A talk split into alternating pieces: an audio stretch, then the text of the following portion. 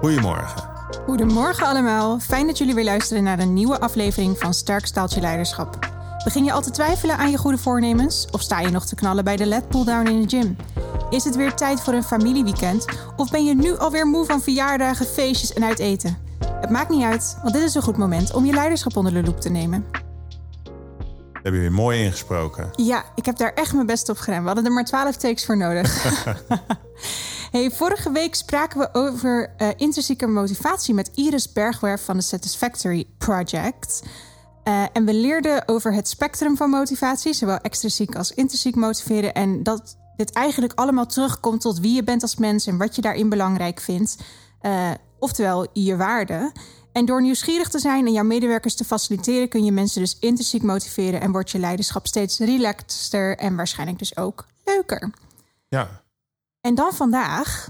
Oh, voordat we naar vandaag gaan. ik ben even oh, benieuwd, want oh. jij had een goed voornemen. Jij zou elke dag beginnen met een vraag. Mhm. En iedereen wil nu weten hoe is dat gegaan? Dat ging in 80% van de gevallen goed. 80% van de gevallen. Ja, oké. Nou, het is even zo uit de lucht inschatting. Ik heb best goede score. En wat heeft het je opgeleverd? Nou, de keren dat ik het deed, was het echt wel heel erg leuk eigenlijk. Ik kreeg hele open en eerlijke gesprekken met mensen. Uh, ik werk op dit moment vooral met collega, uh, collega's van Indiaanse afkomst. En die zijn van nature ook al meer gesloten dan dat Nederlandse collega's uh, zijn. Mm -hmm. um, dus daar een vraag aan stellen vraagt ook meteen wel dat je de 16 seconden regel van Harm Schuil toepast en gewoon je mond houdt tot er daadwerkelijk een antwoord komt. Ja. Ook als je twijfelt, hebben ze me überhaupt wel gehoord om dan nog even stil te blijven. Gewoon omdat ze ook even een drempeltje over moeten van ga ik dit dan vertellen als het privé is. Ja. Maar eigenlijk in alle gevallen dat ik de vraag stelde, kwam het verhaal er ook uit en leverde dat een heel mooi gesprek op. Dus Oké. En wat voor vraag stelde je dan? Uh, bijvoorbeeld van uh, hoe gaat het nu met je? En als dan zeiden goed, zei ik oké, wat gaat er dan goed? Ja. Zoiets. Of hoe is het met je familie? Of gaat het echt met je? Van mensen die ik wist dat ze verhuisd waren, zei ik: joh, je bent verhuisd. Hoe is het daar? Hoe is het in je nieuwe, nieuwe huis? Oké. Het is gewoon een, een, vraag uit interesse. Okay. En ga je ermee door? Ja, ik ga ermee door. En ik ga er ook in oefenen dat ik het vaker doe. Want ik merk toch nog wel dat ik dan denk van... oké, zo'n daily call, dat duurt 15 minuten. Dus hop, we moeten gelijk door naar de planning. En het is de, plan, de meeting van uh, de developers. Dus ik moet daar niet in tussenkomen. Dus ik probeer nu tussen meetings door ook wat tijd over te houden, zodat ik dus wel ruimte voor mezelf creëer, zoals Iris ook zei, om die vragen te gaan stellen. Dus work in progress. Mooi. Goed dat je, dat je zo geïnspireerd aan de slag bent gegaan. Ik vond het ook een hele leuke, leuke aflevering namelijk. Wat is er nog het meest blijven hangen? Nou, wel dat stukje nieuwsgierigheid. Daarmee, wat ik dus heb gedaan, is dat ik normaal dan bereid ik meetings, uh, één op één meetings heel erg voor. Dat ik denk van oké, wat wil ik bespreken en welk resultaat zit erachter, waar wil ik naartoe? Um, en dat ik het nu ook wat open heb gelaten van goh, waar wil jij het vandaag over hebben? Of wat houdt jou nu bezig? En dan daarop inspelen, omdat je hmm. dan daar de vraag achter zoeken. En veranderde daar iets in door jouw verandering in aanpak? Nou, leuke gesprekken. Um, ook wel relaxtere gesprekken qua humor en openheid. Humor? Uh, daar kan ik me niks bij voorstellen. Nee, ja, ik, ik ken dat verder ook niet. Maar, um, maar dat schijnt een ding te zijn. Maar ik merkte in, dan, dan, kijk, als coach, uh, want wij zijn natuurlijk aan de ene kant een soort van facilitator, aan de andere kant zijn we een soort van leraar, aan de andere kant zijn we een soort van mentor en we zijn ook coach. Dus uh, je moet heel erg switchen tussen die dingen. Maar als coach ga je natuurlijk in op wat voor vraag er bij de medewerker speelt. En uh, dan het resultaat dat jij wil bereiken, dat doet er eigenlijk niet toe. Dat doet er dan even niet toe. Dus dan, dan is zo een meeting beginnen. Help je dan iemand meer mee dan dat je jezelf ermee hebt. Maar onbewust zeker. help je denk ik ook wel jezelf ermee uiteindelijk. Ja, zeker in deze digitale tijden waarin je dus vooral over werk praat, alleen maar achter dat scherm zit en dus ook die echte connectie misschien wel wat meer mist met mensen dan dat je op kantoor regelmatig iemand zou tegenkomen. Uh, juist even gewoon een echt gesprek voeren met luchtigheid. Met even gewoon aan elkaar vragen hoe het is. Soms gewoon even bitchen over wat er niet goed gaat en dan weer door. Ja. Ik vind het wel heel waardevol. En uh, als je er dan toevallig ook nog betaald voor krijgt, dan doe je het goed. Zeker. Dus die nieuwsgierigheid, die, die blijf ik zeker meenemen. Topic van deze week. Uh, we hebben het natuurlijk ook al gehad over biases. En dat uh, Michiel en ik op, op zoek zijn naar wat nou inspirerend leiderschap is. En wat mij nog niet helemaal duidelijk is, is hoe die knakkers er nou uitzien.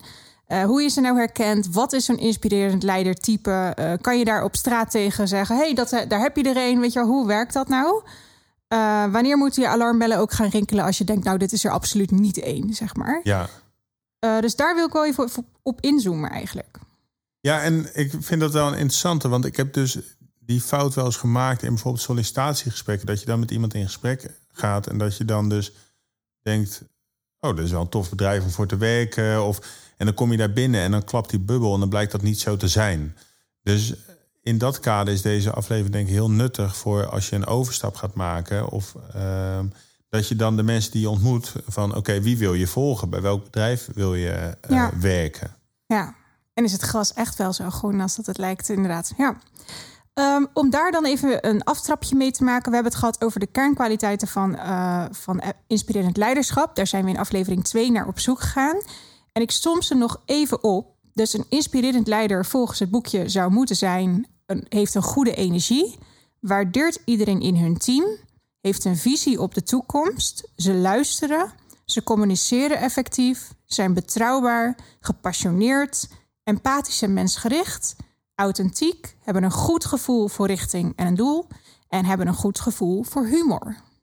Zit er eentje tussen waarvan je denkt, die hebben wij nog niet behandeld? We hebben het gehad over uh, intrinsieke motivatie. Die valt voor mij wel samen met waardering uh, hebben en empathisch en mensgericht zijn. We hebben het gehad over visie. We hebben het gehad over verhalen vertellen en over luisteren. We hebben het gehad over um, energie. Nou, dat is niet helemaal waar, maar daar gaan we het over hebben in aflevering 7. Um, ehm, humor hebben we het niet over gehad, maar het is eigenlijk wel een beetje de rode draad in deze podcast. Ja. En ik denk dus effectieve communicatie en betrouwbaarheid, dat dat nog wel dingen zijn die we. Die hebben we nog niet echt uh, behandeld. Die we nog niet echt behandeld hebben, nee. Maar kijkend naar dit lijstje, wat ik, wat ik hier dus een beetje lastig aan vind, uh, over vooroordelen gesproken is, het zijn allemaal van die containerbegrippen. En om humor dan als voorbeeld te nemen. Humor kan betekenen dat je zo'n flauwe Engelse serie heel erg grappig vindt.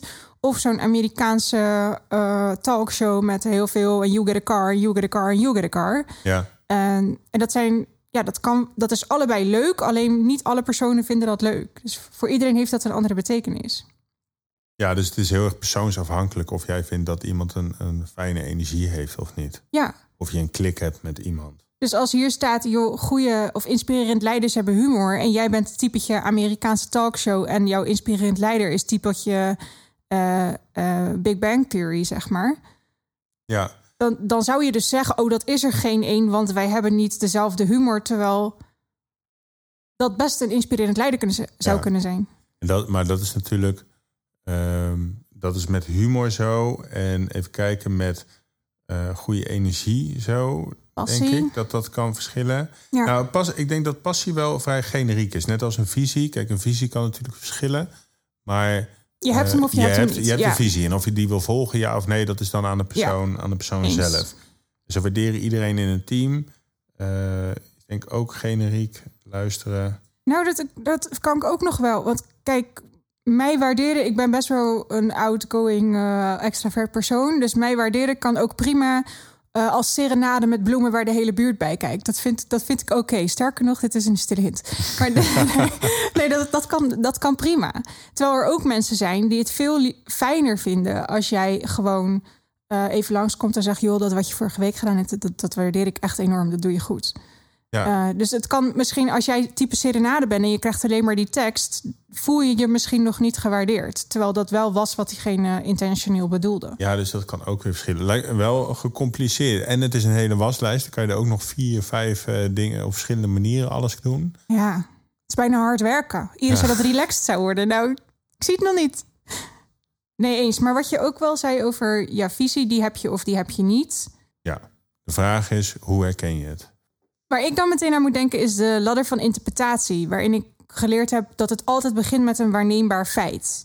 Dus uh, stel dat iemand naar je toe komt en die maakt veel handgebaren en die heeft een gebrede glimlach en de uh, intonatie is vlot, dan zou je dus aan kunnen nemen dat het een positief verhaal is. Dus misschien is het een grap. Mm -hmm.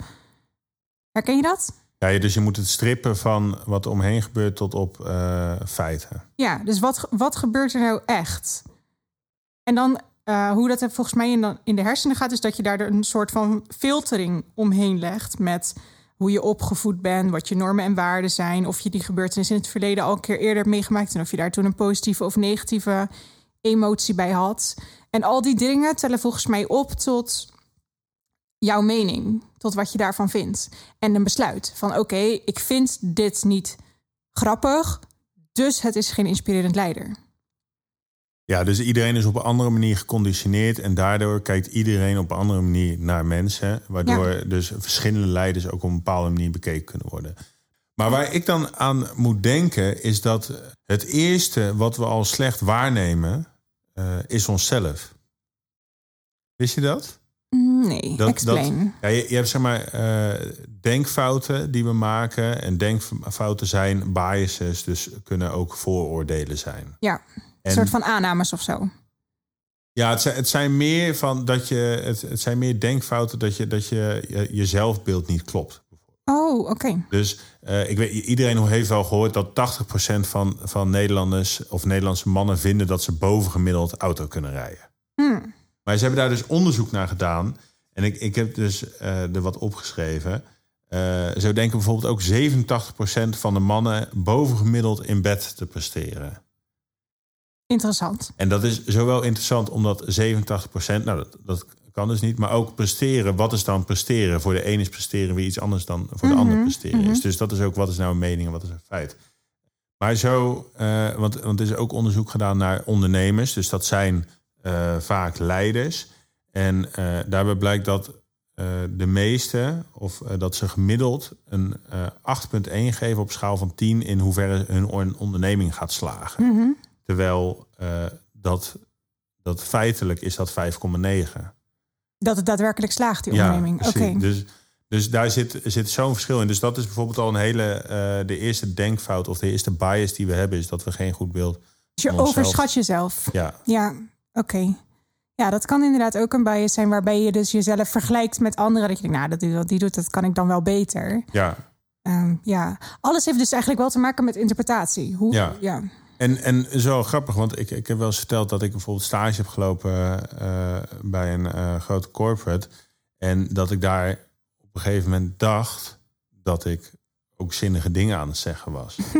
Uh, door de omgeving waar ik zat. Maar wat ik zat zeg maar, op de oppervlakte met mensen mee te praten. En ik overschat, ik had dus mijn zelfbeeld klopte niet. Want ik overschatte mezelf dat ik ook echt dacht dat ik inhoudelijk. Dat je daadwerkelijk wat zei. Terwijl ik alleen maar aan, terwijl ik alleen maar aan het papegaaien was. Maar dat, dat is dan dus een, een, fout in, in, uh, in, in je zelfbeeld. En dat is dus ook als we. Uh, naar leidinggevende kijken en eh, denken van, oh, die, die doet dit niet goed of die dat doet, dat, dat vergelijken we met onszelf. En omdat we onszelf overschatten, heb je dus vaak ook. Ja. Uh, als je een negatief beeld hebt van je leidinggevende, is dat ook maar de vraag of dat nou feitelijk klopt. Of diegene echt slecht scoort op al die dingen. Ja, of dat je gewoon heel even af moet pellen naar uh, al die meningen die jij eroverheen gelegd hebt op basis van eerdere ervaringen. En even terug moet gaan naar wat doet die persoon nou. Ja ik, vind, ik zou het ook wel fijn vinden als dat uh, wat meer gedaan wordt. Want ik heb, ben zelf in het verleden heel erg geconfronteerd met uh, biases van anderen naar mij toe. Mm -hmm. uh, oh, je bent pas 23. Hoe kun je nou in een leidinggevende positie kunnen staan? oh, je bent nog zo jong. Hoe kan het nou dat je dit, dit begrijp jij toch niet? oh, maar dit heb jij nog nooit meegemaakt. Dus hoe kan het nou dat jij snapt hoe dat voor mij voelt? En natuurlijk, tot op zekere hoogte zijn al die dingen ook waar. Ik was ook inderdaad pas 23 en ik had ook al die ervaring niet. Maar dat wil niet zeggen dat ik het niet uh, dat ik er niet voor open sta om het te begrijpen. En dat er niet dingen zijn die ik wel kan, die niet met mijn leeftijd te maken hebben. Mm -hmm. Dus het is ook best wel lastig om dat heel veel om je oren te krijgen. Dat je, ik had heel erg het gevoel dat ik daartegen moest vechten. Ik ga echt wel bewijzen dat, ik, dat het niet aan mijn leeftijd ligt, dat dit niet lukt. En het mooiste was dat achteraf ook weer uh, feedback terugkwam van uh, dat het leek alsof ik een oude ziel had. Of uh, uh, dat, ik, dat ik dingen sneller begreep dan dat mensen van me verwachten. Dat lag mm -hmm. echt niet aan mijn empathisch vermogen, maar omdat die verwachtingen zo enorm laag lagen. ja, kon dus snel goed wel, doen. Dat is ook wel weer fijn. Enerzijds is dat heel fijn en anderzijds uh, wil je ook graag beoordeeld worden op wie je bent en wat je kunt brengen. En niet op de minimale lat die er dan algemeen is. Uh, waarmee mensen ook nog de neiging hebben om bij elkaar hun perceptie te gaan valideren. Dus als jij iets in een restaurant gegeten hebt en het was een super slecht restaurant. dan ga je niet, eh, als iemand zegt, joh, ik ga daar eten, ga je zeggen, oké, veel plezier. Vaak vertel je dan van, oh ja, maar toen ik daar at, was super slecht en dit was niet lekker en dat was niet lekker. Mhm. Waardoor die persoon die naar dat restaurant gaat, onbewust al naar binnen stapt met het idee dat het eten daar goor is. Dus je beïnvloedt elkaar ook door je biases eh, zo te delen met elkaar. Ja, ja. En voor, voor, voor de luisteraar die niet zit te luisteren, ik denk van oké, we hebben die punten genoemd. eh, en die kwaliteiten van een leider. Die, eh, en, en toen hebben we de vraag gesteld van goh, hoe, hoe herkennen we dat nou? De eerste stap is dat je, dat je eh, op zoek gaat naar feiten in plaats van en daarbij je bias uitsluit. En checkt. Ja, check je aannames. Ja, En als je kijkt naar feiten, volgens mij zijn feiten dus waarneembare, eh, waarneembare dingen. Dus je ziet dat iets gebeurt, je hoort dat iets gebeurt, je, je proeft het, je voelt het, je kunt het echt waarnemen. Eh, of het is wetenschappelijk onderbouwd, zoals wat jij net als, eh, als voorbeeld gaf. En ik denk meningen is veel meer iets, als je er een discussie over kunt hebben, is het hoogstwaarschijnlijk een mening. ja, En het is ook het is iets wat je kunt verdedigen van ik vind dit. Dat is dan vaak wat je hoort. Mhm. En ik vind het helemaal grappig als mensen dan zeggen: het feit is dat ik vind dat. oké, je hebt zojuist van je mening een feit gemaakt. Ja. Ik kan me wel een, een situatie herinneren van eh, dat ik een, een leidinggevende had en dat ik ehm, daar soms wel eens, wel eens eh, zeg maar in, in discussie mee kwam of zo. Over het, het niet eens waren met elkaar. En dat, eh, dat, dus, en dat is dan geen conflict of zo, maar ik, ik ben wel heel slecht, ik ben heel conflictvermijdend. Dus als zoiets gebeurt, dan vanuit mijn emotie reageer ik er altijd op, op van oké, vindt iemand me niet aardig of eh, dat.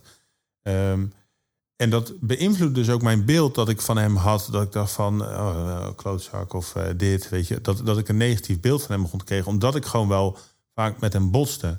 Maar als ik dan nu daarop terugdenk, dan denk ik van... Feitelijk, hij, hij besteedde heel veel aandacht aan mij. Hij had, had een goede, eh, goede visie. Eh, ik was gewoon heel vaak eigenwijs. Dus hij nam dan tijd voor me om wel met me in discussie te gaan. Hij luisterde ook wel naar me. Nou, had op zich wel humor. Eh, we konden het verder ook wel vinden. Dus wat hij feitelijk allemaal deed, dat, dat, dat klopte. En waarom ik hem dus niet goed beoordeelde, lag eigenlijk bij mijn emotie, zeg maar, van, van hoe ik in elkaar zit, zat, dat Ja. ik hem anders beoordeelde. Ja, het kan ook zijn dat de manier waarop hij jou op dat moment die feedback gaf of met jou in discussie ging, dat daar iets aan tonatie of houding in zit waar je een bepaalde beeld van hebt of waar je een bepaalde afkeer tegen hebt, waardoor je dat dus projecteert op alle andere dingen die die persoon doet. En nu Ja. je het zo feitelijk aftelt, ineens je beeld verandert. Dus dat is wel heel mooi. Ja. Ja, dus dat, dat is misschien ook wel een interessa- interessante voor de luisteraar. Of het nou gaat om je eigen leidinggevende of voor, voor jezelf als leidinggevende. Ehm, kijk eens naar wat, wat, wat zijn nou feitelijk de handelingen die, die je uitvoert. En los van het beeld van jezelf hebt, of het beeld wat je vrienden eh, of, of je, je partner van jou heeft. Van eh, oh, hij is altijd zo grappig of zij is altijd zo, eh, zo lief. Misschien ben je wel helemaal niet zo op je werk. Dus probeer dat eens. Misschien Uit- ben je wel helemaal niet lief. Uiteindelijk Ik dacht even dat je dat ging zeggen. Nee, uiteindelijk is iedereen hartstikke lief. Ja. Maar, ehm, maar het is wel interessant om daar eens naar op zoek te gaan. En van welk feitelijk gedrag vertoon Ja. je nou? Ook bij jezelf, waardoor je dus dat overschatten kunt voorkomen. Ja, ik, ik deed laatst deed ik een, eh, een assessment eh, over mijn, mijn, mijn werk. En ik had op een training daarvoor had ik me mezelf ingeschat op een aantal punten. Mhm. En vervolgens deed ik die assessment. En die assessment die ging over feitelijk gedrag. Van wat doe je en waar, op wat voor plekken ben je. Ja, En dat viel dus ook weer een stuk lager uit dan dat je ik... hebt het onderzoek kracht bijgedaan. Ja, ja. Dus, ehm, en of ik daar helemaal mee eens was, even los, los daarvan. Jouw mening was Ja. dat Want, assessment, dat was niet goed. nee, dat had ik al gezegd dat ik eigenwijs was. Maar, ehm, nee, dus dat is denk ik ook wel de, de, de boodschap. ehm, van als je aan de slag gaat met je, met je leiderschap. Check je eh, feitjes. Ja, kijk wa- wat er al is en waar je op voort kan bouwen. Hey, de rubriek. We zijn bij de rubriek aangekomen. Lekker catchy. Ja, ik moet zeggen dat, dat de visuals een beetje te wensen overlaten eh, deze week. Maar goed, daar zou ik jou niet de schuld van geven. Ehm, ik zie voor me een, een mooi rood tegeltje. Het is, het is geen schreeuwend eh, rood, maar het, het, het is ook niet richting het bordeaux. Het is wel echt gewoon rood-rood. Ehm, en daarop staat dan in witte letters, waar een aantal letters of een aantal woorden dicht gedrukt zijn, ehm, staat er: matige leiders leggen de lat voor zichzelf. Goede leiders leggen de lat voor anderen. Beste leiders inspireren anderen de lat hoger te leggen. En dat is een quote van Orin Woodward. Dat is dus wel bijzonder dat dit de eerste Nederlandse quote is in de Met een podcast Engelstalige naam. van Orin Woodward, waarvan ik niet denk dat hij Nederlands is. Het zou zomaar kunnen dat dit eh, vertaald is inderdaad. Misschien is het een Belg. Wat vind je ervan? Ik denk dat, dat eh, de luisteraars die eh, nog steeds bij ons zijn op, op aflevering 6, ehm, dat die denken, ja, deze. Had je beter in aflevering 1 kunnen laten horen, dan Ja. werd het in ieder geval beter daarna. Precies, want, want deze. nee, nee, want zo onaardig zijn onze luisteraars niet. Maar nee, ik denk dat, dat, dat toen ik de eerste zin zei, dat de meeste luisteraars er wel aan voelden Ja. komen. Ik vind hem eerlijk gezegd ook gewoon te lang. Ik raak na, na die eerste zin, dacht ik, oké, is dit dan de quote? En toen kwam er nog meer. Ehm, en dat weer iets wat me, wat me raakt of wat me inspireert, moet ook gewoon kort en bondig zijn en meteen eh, iets omvatten. En hier zijn heel veel woorden voor nodig om te zeggen dat de beste leiders anderen inspireren om de lat hoger te leggen. De eerste twee zinnen hadden er voor mij ook uit mogen blijven. Ja, want die eerste twee zinnen, zeg maar, matige leiders leggen de lat voor zichzelf. Dan denk ik, matige leiders leggen de lat hoog voor zichzelf, toch? Of waar leg je de lat? Ja, je kan de lat ook laag leggen. Ja, dat staat hier dus eigenlijk ook van. Als je, dat als je is matige leider bent, dan doe je alleen knap. maar je eigen lat bepalen. En dan ben je niet bezig met de groei van anderen. Zo lees ik het. En dan goede Ja. leiders leggen de lat voor anderen neer. Dus Michiel, ik vind dat jij eh, eh, trainer moet worden, want ik denk dat jij dat kan. En is, eh, de beste leiders zouden zeggen: Joh, Michiel, je bent echt goed in faciliteren. Dat zie ik hier gewoon in. Zou je daar niets meer wat mee doen? Dat je zelf gaat kijken naar wat dan en hoe je dat neerlegt. Ja, maar wat ik dus vind is dat, dat goede leiders dat die heel veel verwachtingen uitspreken. Dus eh, ik verwacht van jou dit of verwacht van jou, omdat je dan mensen eh, zeg maar een potentieel geeft of het gevoel geeft dat je in ze gelooft. Of, ehm, dus ik vind dat iets anders dan dat je zegt van ik denk dat jij dit moet doen of jij zou dit moeten doen, maar ik verwacht van jou dat je dit kan of dat je. Mhm. Vind ik ook lastig, want als iemand daar op dat moment geen behoefte of zin in heeft, waarom zou je dat dan van die persoon verwachten? Zeg maar, want je legt daarmee indirect druk op. Het kan ook zijn dat die persoon naar jou kijkt vanuit een hiërarchische positie van oké, dat is mijn manager, dus als ik dat niet doe, dan zitten daar misschien wel consequenties aan. Los van dat je dat niet zo bedoelt, kan het wel zo geïnterpreteerd worden. Ja, Dus daarmee snap ik de quote wel dat je beter voor inspireren kunt gaan in die zin dat je zegt: hey, volgens mij heb jij daar talent voor. Ja, maar ik zie hem dan als meer als stimulerend. Dus op het moment dat je al een onderwerp hebt gekozen, eh, dat je dan een verwachting naar iemand uitspreekt. Ja. Could be. Dus oké, jij gaat een podcast maken, maar dan verwacht ik wel dat je dit, of ik verwacht van jou dit. Of als jij eh, naar dat evenement gaat, dan verwacht ik dit van jou. Dus als jij op een gegeven moment dat je een, een tak of iets hebt gekozen, dat je dan iemand Hmm. wel ook stimuleert door eh, de lat hoog of in ieder geval verwachtingen aan te geven. Oké, voor mij zou dat niet werken. Oké. Ik- Weet je waar je je verwachtingen stoppen kunt? ik ben ook een beetje een rebels persoon. Dus ik geef deze een 5. Ik geef hem een 4. Oké, komt dat door Waarom mijn hem- argumentatie daaromheen? Waarom geef jij hem 5?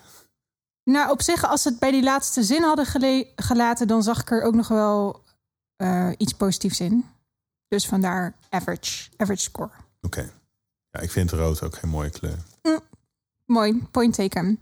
Hey, ter afronding dacht ik misschien is het leuk als we even oefenen met feiten en meningen. Dus ik heb een aantal stellingen en het lijkt me leuk om die aan je voor te lezen en dat jij dan zegt dit is een feit of dit is een mening. Dus nog even ter check. Een feit is dus iets waarneembaars of iets wat je eh, wetenschappelijk hebt onderzocht. En een mening is iets wat je vindt, wat je kunt bediscussiëren of eh, nou, dat eigenlijk, punt. Wat kan ik winnen?